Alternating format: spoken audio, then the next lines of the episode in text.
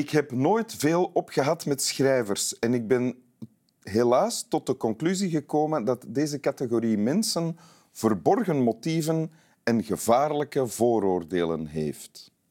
Dat schreef ergens in de 19e eeuw Alexander Boryatsky, de belangrijkste adviseur van tsaar Alexander II, een voorganger van Poetin. Dat is bijzonder. Ja, het ging over schrijvers, maar het zou hij had het waarschijnlijk ook over journalisten kunnen, kunnen zeggen wat hij Ik zou net zeggen dat, dat schrijvers openhartig zijn en, en willen vertellen wat op hun lever ligt. Dat het juist daarom minder geniepig is dan Ja? veel andere mensen. Ja, deze adviseur van de tsaar zegt verborgen motieven en gevaarlijke vooroordelen. Er zullen ertussen zitten. Welkom in Winteruur, Björn Soenes. Onze eh, VRT-correspondent voor Amerika, de Verenigde Staten. Ehm, voordien chef nieuws geweest, hoofdredacteur en eh, journalist voor de nieuwsdienst Ja. van de VRT. Eh, onlangs vrij, eh, van kanker verklaard, maar nog niet genezen. Ja. Dat is nog een andere longkanker. Hè? Mhm. Ehm, proficiat daarmee, alvast. Gestopt met roken sindsdien ook. Ja. Ook daarmee proficiat. En ehm, binnenkort eh, verschijnt er een nieuw boek van jou, Hand ook. ja, de laatste walvis. Het gaat voor de zoveelste keer over Amerika. Er is veel dat verteld moet worden. De geschiedenis wordt tegenwoordig een beetje mismeesterd, herschreven door mensen die willen dat het proper er, eruit ziet. En ik dacht, dan moet ik toch een boek schrijven waar dat allemaal niet zo proper is. Vandaar het ongezouten verhaal van Amerika. Oké, we kijken uit. En ondertussen eh, luisteren we naar de tekst die je hebt meegebracht. Right. En brillen opzetten. Van Murakami. Ja, Haruko, Haruki Murakami. Toen pas accepteerde hij alles volledig. Tsukuru Tazaki begreep het tot in het diepste hoekje van zijn ziel. Mensen zijn niet alleen met elkaar verbonden door onderlinge harmonie. Een misschien nog nauwere band wordt geschapen door hun wonden. Mensen vinden banden in gedeelde pijn en zwakheid. Er is geen stilte mogelijk zonder kreten van ellende, geen vergiffenis zonder grond gedrenkt in bloed, geen aanvaarding zonder eerst een schrijnend verlies te hebben geleden. Zulke dingen liggen aan alle ware harmonie ten grondslag. Het eh, fragment dat eh, geprojecteerd is, is een stuk van wat jij net hebt voorgelezen. Je bent vroeger begonnen en je bent nogal langer doorgegaan. Ja. Oké. Ehm, dus ik veronderstel dat dit de kern is. De ke- eh, wat staat hier in, in het stuk dat je net hebt eh, voorgelezen?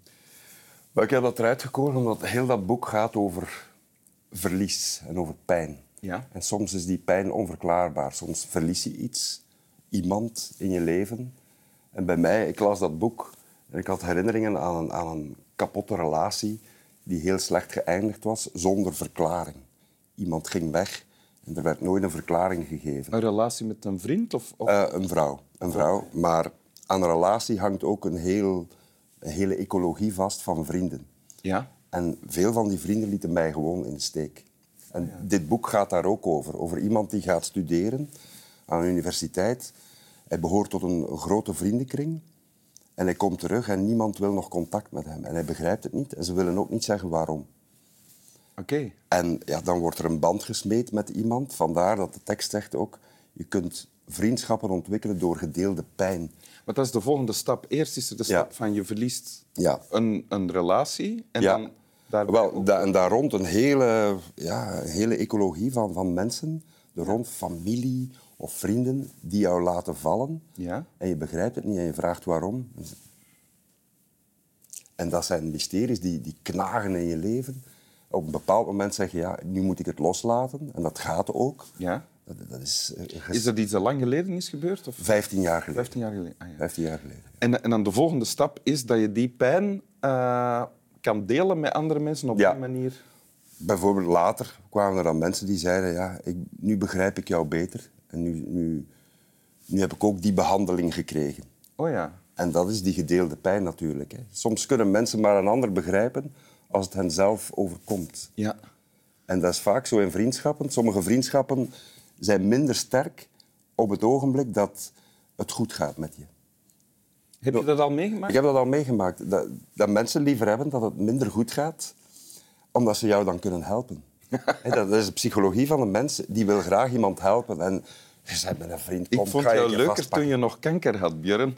Bijvoorbeeld. Ja. Bijvoorbeeld, ja. Ja. Ik heb dat ook gemerkt hè, toen ik kanker kreeg, hoeveel mensen mij plots met alle egaars wilden begraven. Maar zo'n mooie begrafenis geven al. Hè, van, ik zei van, ik ga er doorkomen. Ja, ja, maar het is longkanker, hè, vriend.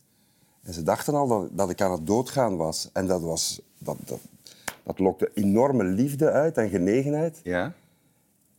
Maar, maar ik zei, ik kom erdoor. En ik kwam erdoor en dan voel je dat die afstand weer groter wordt. Maar dat is ook omdat een alarmsituatie wegvalt. Hè. Mensen gaan in, in high alert en zeggen, ik moet er nu zijn. En dan Ja. laten ze jou weer los. Maar ik heb dat al vaak gemerkt. Een overlijden van iemand in de familie brengt families heel dicht bij elkaar. Ja. En vreugde op een trouwfeest, ja. Maar als, als het gewone vreugde is van iets gebeurt, wel ja, goed dan.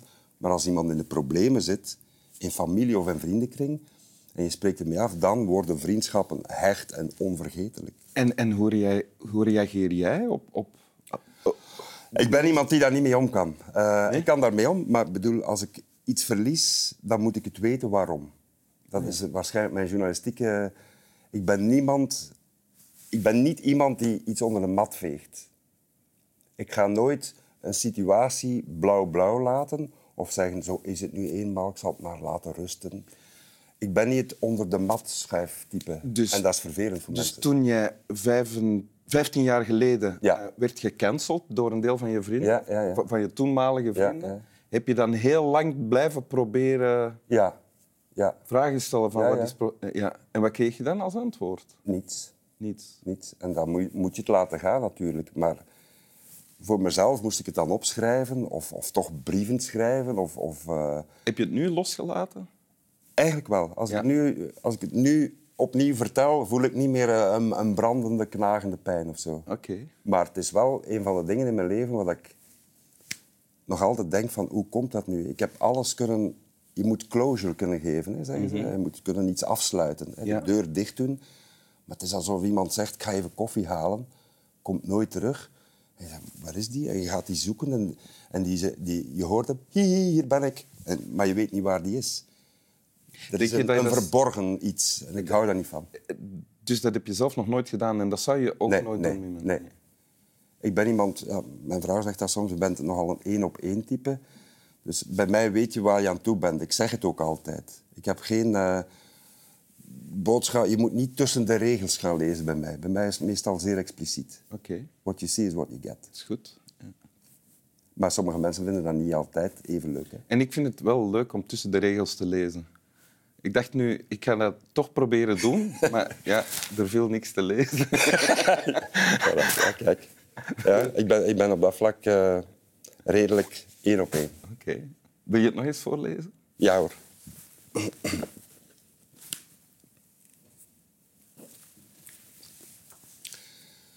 Tsukuru Tazaki begreep het tot in het diepste hoekje van zijn ziel. Mensen zijn niet alleen met elkaar verbonden door onderlinge harmonie. Een misschien nog nauwere band wordt geschapen door hun wonden. Mensen vinden banden in gedeelde pijn en zwakheid. Dank u. Graag gedaan. Slap wel.